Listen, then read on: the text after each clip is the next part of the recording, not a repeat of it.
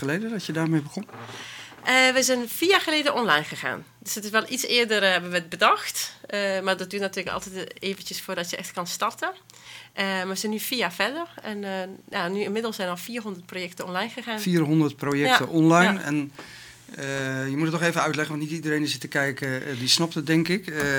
Um, iemand kan een project indienen vanuit, vanuit een ontwikkelingsland. Of uh, die zegt, nou, ik wil een, uh, een taxi kopen, uh, maar daar heb ik 500 dollar voor nodig. ja, dus je wil een taxi... dus het is inderdaad zoals je hebt verteld. Iedereen met een slim idee, met een slim plan, kan hun idee online zetten. En mensen die iets willen bijdragen, um, kunnen gewoon iets uitkiezen wat zij aanspreekt. Of iets waar je je talenten bij kan um, inzetten. Uh, en inderdaad, als je een taxi wil kopen, kan je dat ook online zetten. We vragen dan wel een soort businessplan erbij. Dus het is niet alleen maar een, uh, hè, ik wil dit, ik wil dat. Maar je moet ook wel goed kunnen uitleggen hoe je dan daar een soort, ja, gewoon een gezond bedrijf omheen opbouwt. Ja, en is het echt gericht op mensen die dan willen helpen, dus in de vorm van giften? Of is het een investeringsovereenkomst ja. die je sluit met de mensen daar. Ja, dus eigenlijk wij richten ons op sociaal ondernemerschap. Uh, en het liefst zouden wij uh, inderdaad met investeringen willen werken of met uh, leningen of een soort, soort, soortgelijke manier. Alleen ehm, dat apparaat daarachter om met leningen of met investeringen te werken is zo groot en zo ingewikkeld dat je eigenlijk veel te veel energie bezig, kwijt zou zijn aan het proces, vonden we zelf. Ja, dus, jullie, dus het zijn nu echt giften, ja. Want we hebben ja. daar ook al een paar voorbeelden van gehad. Jullie ja. mikken hier niet zozeer op de mensen die willen investeren in de derde wereld, maar echt mensen die gewoon willen helpen. Uh, en een gedeelte van hun tijd of geld uh, daaraan Ja, nou, nou, nou, het, het, zijn gewoon giften. Het is wel zo dat de projecten bij ons die de meeste aandacht en de meeste steun krijgen, toch wel de meer ondernemende projecten zijn. Je ziet wel dat dat, het meeste, dat, dat mensen echt het meeste aanspreekt. En uh, ja, ik vergelijk het ook een beetje zo. Inmiddels hebben we ook een onderneming naast de 1% Club. En uh, als je onderneemt in Nederland, dat zie je ook nog steeds niet makkelijk. Uh, na drie jaar is volgens mij nog, nog maar een derde ondernemers die dan nog steeds overeind blijven en zo. Maar toch, je krijgt best veel hulp ook hè, van de overheid. En van, het is ook best wel nog wereldwijd gezien een makkelijk klimaat om te ondernemen. In Nederland, ja. Precies. Dus ja, ik heb persoonlijk niet zo heel veel moeite mee om een soort, ja, een soort startkapitaal daar te verschaffen. Uh, en niet alle projecten die bij de 1% Club uh, online staan zijn bedrijven of ondernemingen. Uh, maar zelfs de, de zeg maar meer traditionele projecten hebben een soort ondernemend aspect in zich. Dus dat is best wel leuk om te zien. Dat het, ja, het wordt toch ergens beloond. Dus blijkbaar is het wel een soort incentive in het systeem die dat gedrag stimuleert. Ja, en, en je, je zegt er staan nu 400 projecten online. Ja. hoeveel projecten zijn er inmiddels gerealiseerd? Of, Ja, dus um, de eerste fase is dat ze gefinancierd zijn. En de projecteigenaar die, die, die, geeft ons eerst informatie wat hij wil gaan doen. Vervolgens heeft hij het geld bij elkaar. En vervolgens moet hij ons ook nog op de hoogte houden wat er uh, met dat geld is gebeurd. En van die vier, bijna 400 projecten zijn nu meer dan 250 gefinancierd. Oké. Okay. En uh, over wat voor omvang hebben we het dan? Gaat... Ja, dus per, per project is het maximaal 5000 euro. en we hebben in totaal zo rond de 640.000 euro opgehaald. Dus dat is ook wel leuk. In vier jaar tijd? Ja. Nou, ja. dat zijn best behoorlijke bedragen. Ja, ja, dus ja, we zijn daarmee ook wel het... Um, uh, ja, ik moet even kijken of ik het goed zeg. Wij zijn wel het grootste crowdfunding platform van Nederland. Uh, we geworden, of wij zijn al ingehaald door voor de kunst. Maar mm -hmm. zij werken ook met fondsen. Als je het echt mm -hmm. hebt over zeg maar, dat soort kleine, kleinere giften of zo, dan zijn wij nu uh, de grootste. En het, het, het, succes van jullie benadering, hè? dus dat legt eigenlijk de verantwoordelijkheid terug bij de mensen en, en niet meer bij ontwikkelingssamenwerking ja. als een soort vaag concept. Uh, wat zegt dat over deze tijd, uh, naar jouw idee?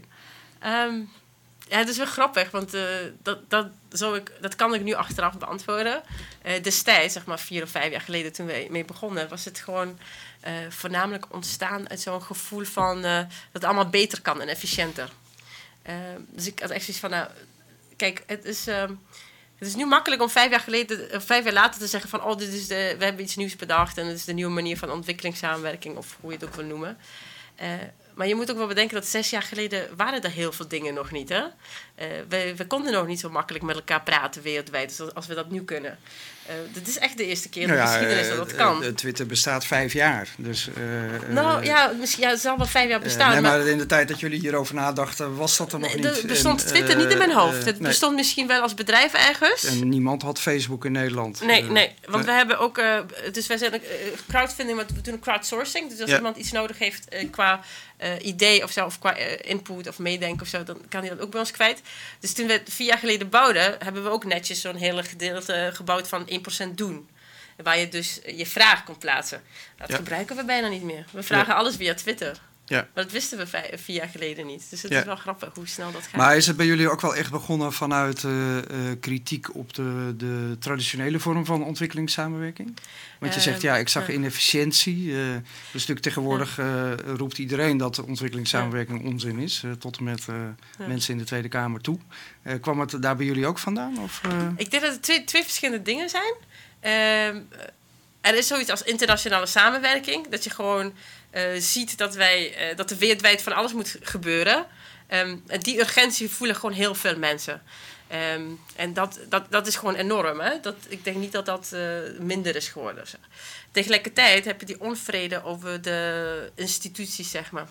En dat, die onvrede is heel groot in de, in de kring van ontwikkelingssamenwerking. Maar het is zeker, dat is dezelfde onvrede wat je ziet binnen onderwijs en binnen gezondheidszorg. Uh, mensen weten niet meer, ze voelen niet meer waar het om gaat. Uh, leraren die niet meer eraan toekomen om les te geven. En uh, mensen in de gezondheidszorg die er niet meer aan toekomen om, om hun vak uit te oefenen. Omdat er zoveel laagjes omheen zijn ontstaan. Dat, dat zie je gewoon ook in ontwikkelingssamenwerking. Dat is geen apart probleem waar die tak van sport mee te maken heeft. Mm. Uh, en de 1% Club was bedoeld om eigenlijk door al die laagjes heen te gaan, al die middlemen eruit te halen en gewoon eh, rechtstreeks met elkaar zaken te doen. Ja, en mensen weer heel direct dat gevoel van betrokkenheid te geven. Uh, precies, bij wat ze doen. precies. Ja. want wij zijn dan begonnen met kleinschalige projecten, ook, ook omdat het haalbaar was. Niet omdat we dat het allerhoogste, de allerhoogste manier van, van hulp bieden vonden. Maar als je aan een keukentafel begint, begint ja, dan kijk je gewoon uh, wat, wat is er, ja, wat, wat, waar kunnen we vandaag mee beginnen? En dat zijn gewoon mensen die een goed idee hebben. Die kunnen we gewoon een stapje verder uh, helpen. Uh, maar je, je, deze manier van denken, hè, dat, zeg maar, je hebt een probleem en je zoekt het gewoon buiten jouw kringetje. Uh, die manier van denken, dat, dat is natuurlijk ontploft de afgelopen jaren. Iedereen is aan het co-creëren, iedereen is aan het samenwerken. Iedereen wil iets met social media om gewoon die stemmen van buiten te horen en te betrekken en zo. Uh, dus dat is uh, natuurlijk wel bij de. Ja, dat is een, een, vraag die wij hier vaak aan tafel ja. stellen. Hè? Wat, wat, wat uh, de, de specifieke invloed van de digitalisering, ja. en social media en internet is op de, de sector waar mensen in werken. Ja. Nu ben jij al lang voordat dit allemaal bezig was. ja, was jij al idealistisch bezig? Je werkte voor Fair Trade en andere, nou laat ik zeggen, allemaal non-profit dingen. Hoe heb jij die, die wereld zien veranderen? Want ik, ik denk van je moet, uh, weet je wel, social media en dat soort dingen moet natuurlijk een waanzinnige kans zijn geweest voor jou uh, om mensen te betrekken bij ja. wat je belangrijk vond. Uh, nou, de, de, de, deze wereld is nog niet, voor mijn gevoel nog niet genoeg veranderd. Ja. en, uh, dus, en dat heeft daarmee te maken dat de opkomst van al die nieuwe mogelijkheden is één ding. Maar het is voor een organisatie, voor geen enkele organisatie, is het een technische uitdaging om te vernieuwen. Hè? Het is echt altijd een mentale uitdaging. Kijk, er zijn genoeg mensen die je kunnen helpen om, om gaaf online producten uh, op de markt te zetten. wat, de, wat het probleem echt in zit, en ik, ik blijf herhalen, het is niet alleen maar in die die sector van ontwikkelingssamenwerking, wat toch zo tot de mangel is gehaald, dat het echt bijna niet meer eerlijk is. Ook al is, het, ja. ook al is er echt wel genoeg op aan te merken. Maar nogmaals, dat, dat gaat nu eigenlijk voor alle instanties, zeg maar. Um, uh, maar het, dus als je zeg maar, die nieuwe manier van denken in wil brengen, uh, dat heeft uh, gewoon hele grote implicaties. bijvoorbeeld dat je je werknemers echt als een soort ondernemers ziet over hun onderdeel. dat je echt samen afspreekt wat jij in dat jaar wilt bereiken of de komende drie jaar wilt bereiken. En dat je je medewerkers ook echt wel genoeg vrijheid geeft en vertrouwen en hulpmiddelen dat ze dat kunnen bereiken. Ja. Uh, wat je nu ziet, is dat je nu van tevoren al helemaal op papier moet zetten hoe je dat precies in die drie jaar gaat bereiken. Maar dat, dat kan bijna niet meer, want alles gaat zo snel. Ja. Wat ik zei, van nou, drie of vier jaar geleden, wij hielden niet serieus rekening met Twitter of zo. Nee. En, Kun jij nog herinneren wat de, wat, wat de uitgangspunten waren, hoe jullie zaten te praten toen jullie die 1% Club begonnen? Wat, wat, de, wat de drive was die je toen had? Want het was een totaal ja. andere wereld. Um, ja en nee, want de waarde verandert niet. Hè? Uh, zeg maar, de manier waarop je iets wil bereiken, dat verandert natuurlijk en het verandert heel snel. Nee, maar goed, als je nu zegt een, een crowdfunding platform, dan denkt iedereen, oh jeetje, hip en iedereen weet wat dat is. Ja. Uh, vijf jaar geleden kijkt iedereen ja. waarschijnlijk aan met waar heeft die het over? Ja, ja ik weet niet of, of het toen al crowdfunding heette. Ik denk het niet. Nee, maar dat, wij dachten van, oh, we, we, hebben iets nieuws bedacht of zo. En toen was het opeens hip of zo. Maar, dus, maar dan zie je wel zo'n soort tijdgeest wat in heel veel uh, hoofden dan tegelijkertijd opkomt. Dus, dus het is wel grappig om dat te zien. Um, uh, maar uh, even kijken, ik wil nu drie dingen vertellen. Maar ja, nou begin met de eerste. Ja. nee, ik zei, wat was de oorspronkelijke gedachte? Ja, wat was de oorspronkelijke gedachte? Uh, nou, mijn frustratie was een beetje het gebrek aan, aan keuzevrijheid. Hè? Wat iemand heeft als hij een beetje moeilijke omstandigheden zit. Um, dus ik, ik, kwam wel eens, uh, nou, ik heb wel wat gereisd en dan kom je ergens en dan zie je uh, mensen in een gebied waar niet zoveel economische activiteit is. zeg maar, laten we een meest extreem voorbeeld nemen: mensen hebben honger. en nou, het is een afgelegen gebied, niet zo'n gebied waar 22 NGO's zitten, maar één of nul. Um, en zeg maar, er komt één NGO en die geeft jou de kans om uh, stoelen van bamboe te maken. Nou, heel goed, want als dat er niet was, dan had je geen eten, zou je doodgaan of, of aan een onnodige ziekte sterven of zo. Maar ik zat echt altijd zo te denken van, stel dat je gewoon niet de rest van je leven bamboestoelen wil maken. en die bamboestoelen die zaten op een of andere manier heel erg dwars of zo, omdat het mij persoonlijk misschien niks lijkt om het waren altijd vrouwen die dan moesten doen. En die hadden corporaties en zo. En het was echt al vooruitgang. Hè? Het waren geen slechte project of zo.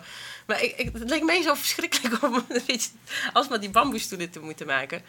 Um, dus de missiestatement van de 1% Club uh, is ook om mensen uh, rechtstreeks de toegang te bieden tot de middelen die hij of zij nodig heeft om haar levensstructureel te verbeteren. Maar wel op de manier die die persoon zelf ja. wil. Dus of je, als jij nou een bakkerij wil starten, dan moet je lekker een bakkerij uh, proberen te starten. En als jij nou een, een online mediabedrijf wil starten, dan moet dat ook kunnen. Ja. En uh, dat was eigenlijk wel zo'n droom. Okay. Uh, het, het, lijkt dan heel mooi. een paar honderd projecten. je zei 600.000, 700.000 euro ingezameld. Ja. Dat is natuurlijk ook een druppel op een gloeiende plaat. Hè? Ik kan me niet voorstellen dat je daar ja. nou heel tevreden van bent. Dat is het begin. ik, nou, kijk, de grootste verandering is natuurlijk wel aan dat directe, dat uh, transparante. Uh, dus het is, ik denk dat wat we tot nu toe. ja, maar jij, bent, jij, jij wilt de wereld veranderen ja, volgens ja. mij. En dat, dat lukt op deze manier niet. Uh, nou, wel als ze het natuurlijk doorzetten. Mm -hmm. Ben nu vier jaar bezig? Ja. ja. Of ben ik nu te cynisch? Ehm, nee, want natuurlijk, kijk, ik dacht dat wij, we hebben nu, vorige week hebben we die 10.000 leden bereikt. Uh, groot feestje, dus we waren er wel uh, super blij mee. En voor jezelf als ondernemer gaat het ook nooit snel genoeg. Hè? Ik dacht echt serieus, we hebben dit binnen een jaar gehaald of zo. dus, ja. uh, van de andere kant uh, er zijn velen met ons begonnen. Er zijn niet zo heel veel overgebleven. Dus dat, dat is misschien al goed. Uh, we zijn ook een hele moeilijke tijd gestart. Dat is natuurlijk geen excuus hoor. Want voor, voor mijn part waren we al, al veel verder. Maar hadden, hadden jullie ja. targets voor jezelf? Een, een groeivolumes? Of was het meer ja, zo van nou, we zien, we zien wel wat er gebeurt? dus de, de, de targets uit onze, business, onze officiële businessplannen die we voor derde hebben geschreven, die hebben we allemaal gehaald. Mm -hmm. maar onze eigen doelstellingen, die, die, waren natuurlijk, zeker met die van mij. De andere medeoprichter van 1% Club, Bart Lacroix, die is ja. gewoon een stuk realistischer en een stuk meer met de beide voeten op de grond. Uh, nee, mijn doelstellingen lagen echt een stuk hoger, ja. Ja, maar dan ja. Uh, is het dus ook echt wel lange adem, dit soort dingen. Uh, ja, je bent nu een paar jaar bezig, je zegt het is een mooi begin. Hoe, hoe hou jij jezelf gemotiveerd om? Want ik denk dat het heel um, hard sleuren blijft hè, aan zo'n project. Nou, het heeft nooit als sleurig gevoeld of zo. Hm. Het is echt omdat er zoveel gebeurt en we hebben ook... je hebt ook wel heel veel aandacht gehad, dat is natuurlijk wel heel leuk. Uh, ja. ja. misschien als je achteraf kijkt was het heel veel aandacht, maar wel echt piek of zo. Het is echt wel mm. dat we een paar maanden dachten van oké, okay, nu is het uh, misschien wel afgelopen of zo, weet je Dus, uh, dus wat dat betreft was het echt een achtbaan. maar het, het, heeft zeker nooit als sleur gevoeld. Um, zijn ook afgelopen jaar zijn we echt heel erg gegroeid. Zijn we echt van vier, vier van vier mensen echt naar meer dan tien gegaan. Dus ook met alles daaromheen en zo. Um, er zijn ook heel veel partijen van buiten ons toegekomen nu die ons willen helpen groeien. Dus uh, uh, we hebben ook, uh, ja, ons bestuur heeft ons ook altijd, ja, ook fantastische mensen, die hebben ook altijd met ons meegedacht. Dus het wordt echt wel steeds groter. Ja, steeds, hoe, hoe ziet jullie model er dan uit? Ja. Want je hebt, je hebt mensen ja. in dienst. Is het gesubsidieerd? Of, ja, dus hoe, wij zijn hoe nu ziet nog, je verdienmodel eruit? Ja, dus wij zijn nu nog gesubsidieerd voor de komende mm -hmm. paar jaar. Door wie? door het ministerie van Buitenlandse Zaken. -huh. we hebben wel altijd gezegd vanaf de eerste dag dat we het geld kregen van uh, ten eerste omdat het klimaat zo is, maar ten tweede ook omdat wij er zo in staan. Uh, dus we hebben altijd een soort stadkapitaal gezien. Dus ook altijd heel actief geweest met businessmodellen. En nu ga je natuurlijk vragen, wat zijn jullie businessmodellen? Ja. dus een van de businessmodellen is... Um, wij, wij zijn natuurlijk een crowdfunding platform... Ehm, maar daar ga je niet rijk mee worden of zo. Dus, dus dat, dat model wat Cellaband had met, met rentes en, en, en dat soort dingen, dat, dat, dan moet je echt hele hoge volumes hebben. plus dat wij ook toch wel een beetje de belang van de projecteigenaar altijd voorop stellen. Dus het wordt maar een heel klein stukje van ons inkomen. Het belangrijke businessmodel is uh, het white labelen van ons platform. Mhm. Er zijn heel veel derde partijen die naar ons toekomen die het in een andere context willen gebruiken. Uh, dus die bieden sowieso de software aan en ook advies daaromheen hoe het beste in te zetten. Omdat we toch wel wat expertise hebben opgebouwd en daar is wel veel vraag naar. Uh, dus, dat Kun je een paar voorbeelden geven waar ik dan aan moet denken? Ja, de meeste hebben we nu nog een gesprek mee. Dus ik weet niet of dus zij het zo prijs... Ja, precies. Ja. Uh, maar we merken wel dat er gewoon heel veel vraag naar is. Mm -hmm. uh, dus dat is eigenlijk al iets wat loopt. en daarnaast hebben we ook businessmodellen die betrekking hebben op um, monitoring en evaluatie, zeg maar, real time. dat wordt nu nog heel weinig ingezet eigenlijk bij, bij heel veel organisaties. En wij zeggen van, goh, weet je, het is nu echt mogelijk om, om echt heel goed te volgen of jouw inspanningen elders gewoon uh, nuttig zijn of niet. Ja. Dus, uh, die, die projecten die uh, op, op jullie platform aangeboden worden en, en controleer je die nog op de een of andere manier? Of het klopt? Ja. En, en of, ja. ja. hoe doe je dat?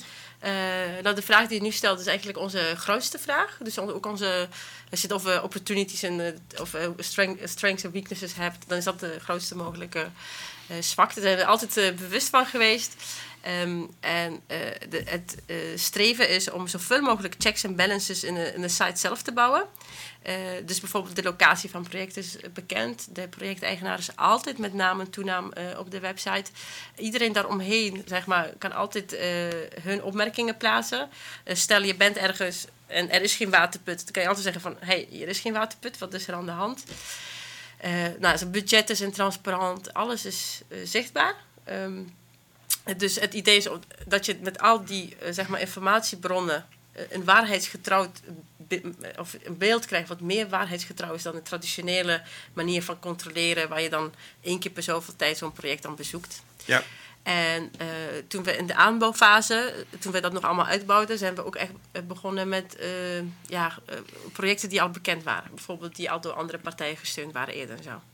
Dus hebben wij hun gevraagd of wij hun databestand mochten benaderen. Ja, en dan bedoel je dus, uh, de gevestigde organisaties, ja, Novip en dat soort uh, projecten. Werken jullie daar sowieso mee samen? Of, ja, sinds één jaar zitten we in de alliantie met Oxfam. Oké. dus ja, dat dus is de Impact Alliantie heet het. Um, maar zijn dat partnerships of kijken die gevestigde clubs ook wel een beetje met enig wantrouwen naar jullie? Van hé, hey, wat komt hier opeens langs? Of hoe heb je dat ervaren? Nou, het is, het is geen wantrouwen. Want je hm. wordt echt benaderd of je samen een aanvraag... Ja. of we samen eigenlijk een plan wil indienen... waarbinnen je voor vijf jaar samenwerkt. Mm -hmm. Dus... Uh, en ja, binnen de doelstelling is het natuurlijk niet zo moeilijk te vinden, iets te vinden nee, de doelstelling klopt wel, maar je ziet natuurlijk ook vaak dat, dat uh, de new kid on the block die het op een andere manier gaat doen, dat wordt ook niet altijd uh, even enthousiast ontvangen door de nee. traditionele organisaties, zeg maar. Zeker niet als ze ook nog onder druk staan, wat natuurlijk zo is.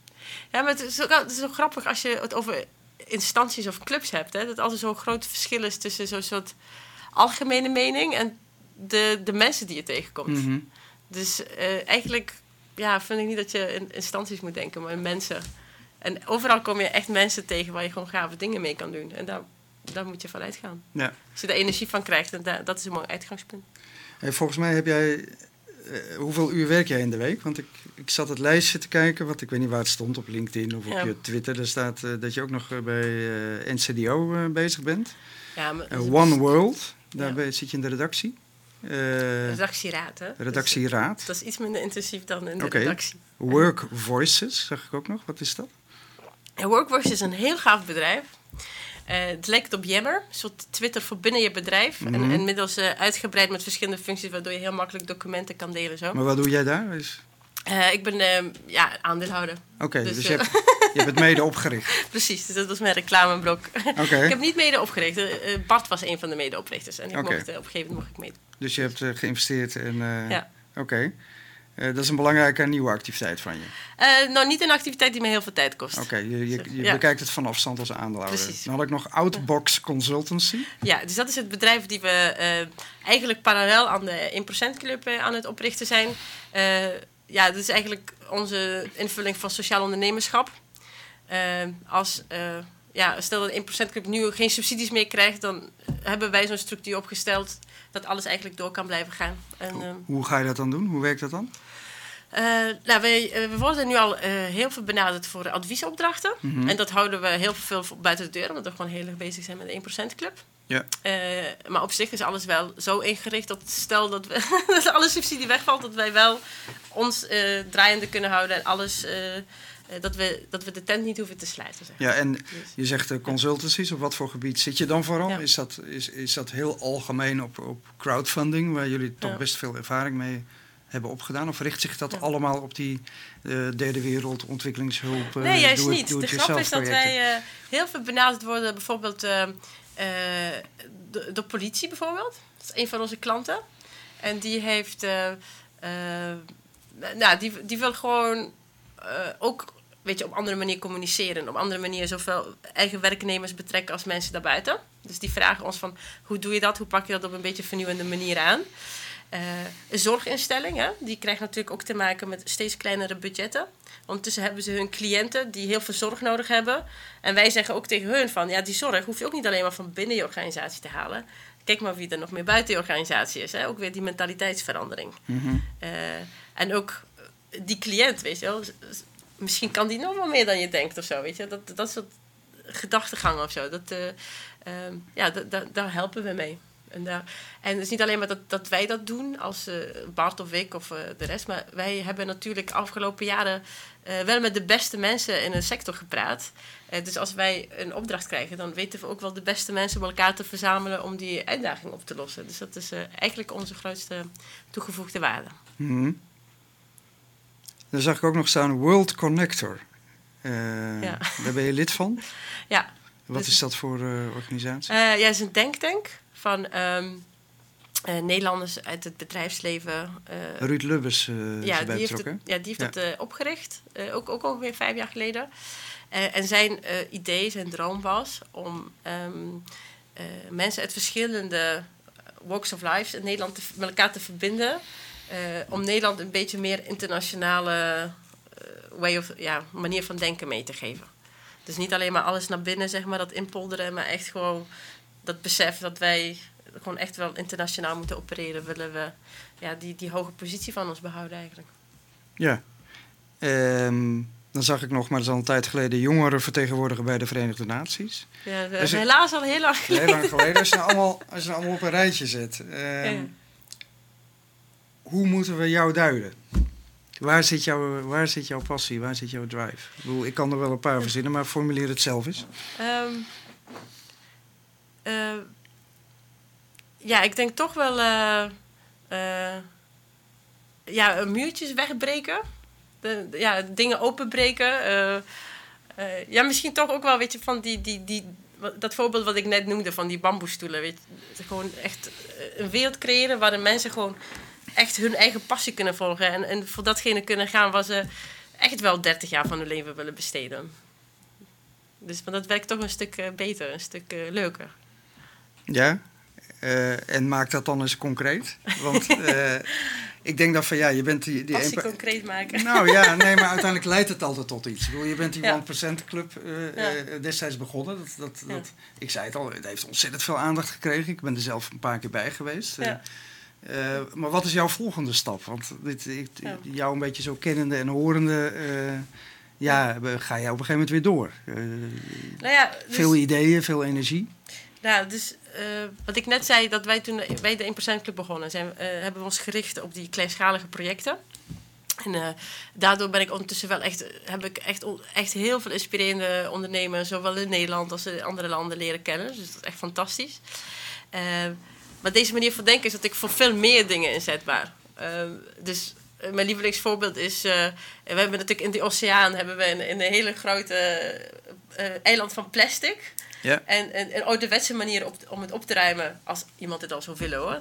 Uh, zo zijn om een bedrijf in te huren en dat duurt het uh, tien jaar voordat het. Die uh, gaan er met een boot en die gaan scheppen en dan uh, ruim je het op. Ja, maar het lijkt me zo gaaf als weet ik, misschien een paar landen of, of een van die hele rijke mensen zou zeggen van we gaan het doen en die zou het gewoon helemaal opengooien.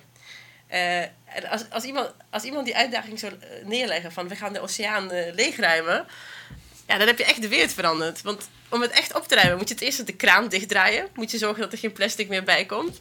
Daarna moet je het opruimen. En dat kan je ook op hele leuke manieren doen. En ja, je betrekt daar eigenlijk het hele bedrijfsleven, ja, eigenlijk iedereen. Dus uh, dat zo'n soort uitdaging, dat lijkt me bij heel leuk. Soms dit soort projecten waarbij je echt mensen aan elkaar moet knopen. Ja, ja en ook eventjes heel anders moet gaan nadenken. Uh, ja, dat lijkt me wel echt gaaf. Het is wel onverbeterlijk idealisme wat jij in je hebt, hè? Ja, maar is dat idealisme? Ondertussen is het natuurlijk heel veel wel werkelijkheid geworden. Dus... Ja, maar ik moet ontzettend denken, we hebben hier ontzettend veel start-ups aan tafel, ja. Erwin en ik. En uh, we zitten dan heel vaak ook achteraf te praten. Uh, van wat drijft deze mensen? Weet je wel, welk, de, de, eerste vraag die je vaak stelt aan mensen met, het, met een idee is van welk probleem wil je oplossen? En dat is eigenlijk best een hele moeilijke vraag voor heel veel mensen. Maar vol, volgens mij ben jij daar wel uit. Ja, precies, de why-vraag. Hè? Dat, Daar hebben zo'n heel leuk filmpje op YouTube over. Van ja. uh, why are you doing this? Uh, nee, en dus tegelijkertijd valt dan op dat heel veel mensen uh, eigenlijk voordat ze begonnen zijn al bezig zijn met hun exit. Ja. En ik vind dat zelf eigenlijk in dat start-up wereldje, vind ik dat best wel ingewikkeld. Het zijn toch mensen die allemaal kijken naar Instagram en van hoe gaan we die miljard pakken. Althans, ik kom het veel tegen. Ja. Nou goed, het zal 1% misschien iets minder snel mee te maken hebben dat iemand ons wil uitkopen. dus, ja, maar is nou, totaal niet jouw drive? Dat... Nee, mijn drive zou echt zijn om dat echt tot datgene te maken wat je ooit voor je hebt gezien. Wat, dat is echt, weet, weet, je, dat is, in onze hoofden is het al, al natuurlijk zes stappen verder. En uh, ik mag van mijn collega's eigenlijk ook nooit praten over de dingen die we nog willen doen. Maar ik moet vertellen over datgene wat er al is, want dat is ook al gaaf. dus, ja. dus dat is wel heel leuk. Uh, maar zou je willen bijvoorbeeld... Uh, kijk, we zitten midden in jaren dat er ongelooflijk veel over internationale samenwerking en ontwikkelingshulp gediscussieerd wordt in de Tweede Kamer. PVV wilde het geloof ik helemaal afschaffen, kregen de VVD mee. Uh, maar je ziet ook dat het blijkbaar bij de kiezers toch ook uh, ja. uh, zodanig veel twijfel oproept dat mensen ja. daarin meegaan. is het ook niet tijd dat we het denken over internationale ja. samenwerking totaal gaan veranderen? Misschien wel op een manier zoals jullie dat laten zien. Nou, daar, ben ik, daar ben ik het natuurlijk heel erg mee eens. En hoe krijg je dat dan voor elkaar? ja, ik weet niet hoe, hoe je dat voor elkaar krijgt. Ja, nou ja, ik weet het misschien wel. Want uh, Dan mag je vertellen over wat jullie nu doen ook. Hè? Ja, dat moet van je collega's. Dus, uh, en terecht, en terecht. Uh, vorig jaar hadden we 1% event, hebben we dit jaar weer. 13 en 14 september, dus bij deze is iedereen uitgenodigd. Ehm, en we hadden toen de grootste internationale co-creatie ooit. En dat doen we één dag in het jaar. Doen we die dingen die we altijd online doen, pakken we en doen we gewoon offline. wat is een co-creatie? Bij een co-creatie nemen we één project of één probleem van, van een van onze projecteigenaren en die lossen we binnen één dag op. Uh, met die internationale co-creatie hadden wij elf steden, uh, of eigenlijk negen steden, we hadden elf uh, cases. en die hadden allemaal een case. De ene moest een platform, de ene moest een businessplan, de andere moest een marketingplan. Um, en die werden allemaal in een andere stad opgelost. Dus die van Cairo werd opgelost in Ramallah. Die van Ramallah werd opgelost in Nairobi. Die van Nairobi werd opgelost in Londen. Uh, en toen al die uitslagen na één dag uh, terugkwamen en iedereen vertelde wat hij voor elkaar had gekregen, dacht ik echt zoiets van: ja, dit is internationale samenwerking. Want niemand doet mee omdat die mensen daar zielig zijn. Nee, iedereen die hier zit doet mee omdat het zo ontzettend gaaf is om met elkaar gewoon weer elf nieuwe uh, of plannen of uitwerkingen of gewoon stukjes weer gebouwd te hebben. Ja, dat klinkt geweldig. Kun je het nog concreter maken en een paar voorbeelden geven van wat voor uh, dingen er dan opgelost werden? Of wat ja, voor plannen? Nou, van hele kleine uh, voorbeeldjes die we dagelijks doen op Twitter. Uh, Eddie uit Oeganda, die is tassen aan het maken. En die, die heeft een vraag, die wil die tassen verkopen of in Nederland of aan westerse toeristen. Hoe moeten ze eruit zien? Dus wij gooien het op Twitter. Binnen één uur heeft hij uh, drie, drie serieuze antwoorden. En binnen een paar dagen heeft hij echt een hele booklet, een heel folder boekje met allemaal ontwerpen van uh, dingen die nu in de mode zijn en dingen die hij over een jaar ook nog kan verkopen. Ja. dat doen we op Twitter. bij zo'n co-creatie, ehm, nou, we hebben echt de meest uiteenlopende cases. Eentje is, ja, die, die, vond ik heel erg leuk. Um, een man heeft een prototype gebouwd hoe je van oude auto-onderdelen uh, windmolens kan maken die energie produceren.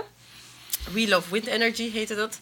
En uh, iedereen uh, pakt dit over. Hij was helemaal enthousiast. Of iedereen was eigenlijk helemaal enthousiast. zijn vraag was: gaaf, dat wil ik ook. Maar stel dat een van die dingen ergens in de wereld omvalt op iemand, dan moeten ze niet bij mij aankloppen. Weet je, want dan heeft hij helemaal geen geld voor om al die schadeclaims te betalen. Ja. Nou, dus hem zetten we dan uh, in een kamer met topjuristen, want we hebben hele goede partnerschappen met allemaal bedrijven die ons helpen.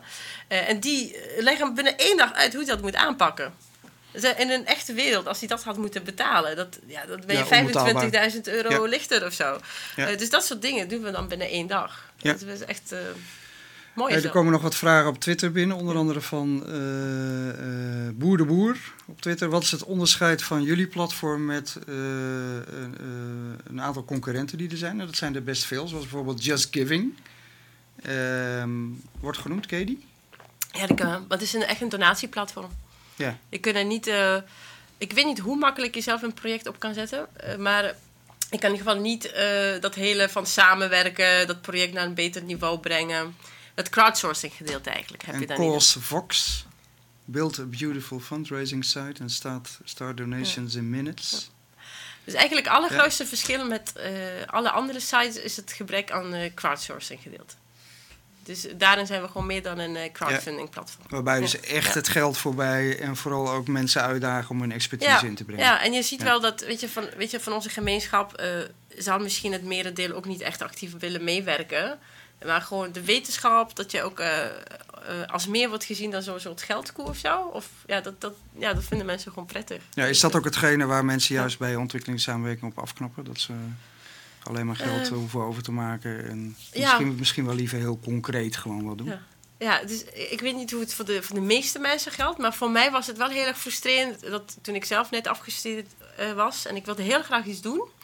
En toen waren, was eigenlijk maar één organisatie waar je echt iets kon doen. Ja, tenminste, uh, waar je structureel gewoon uh, kon solliciteren op, op uh, goed vrijwilligerswerk. was Amnesty dan. Dan kon je dan echt inhoudelijk werk doen.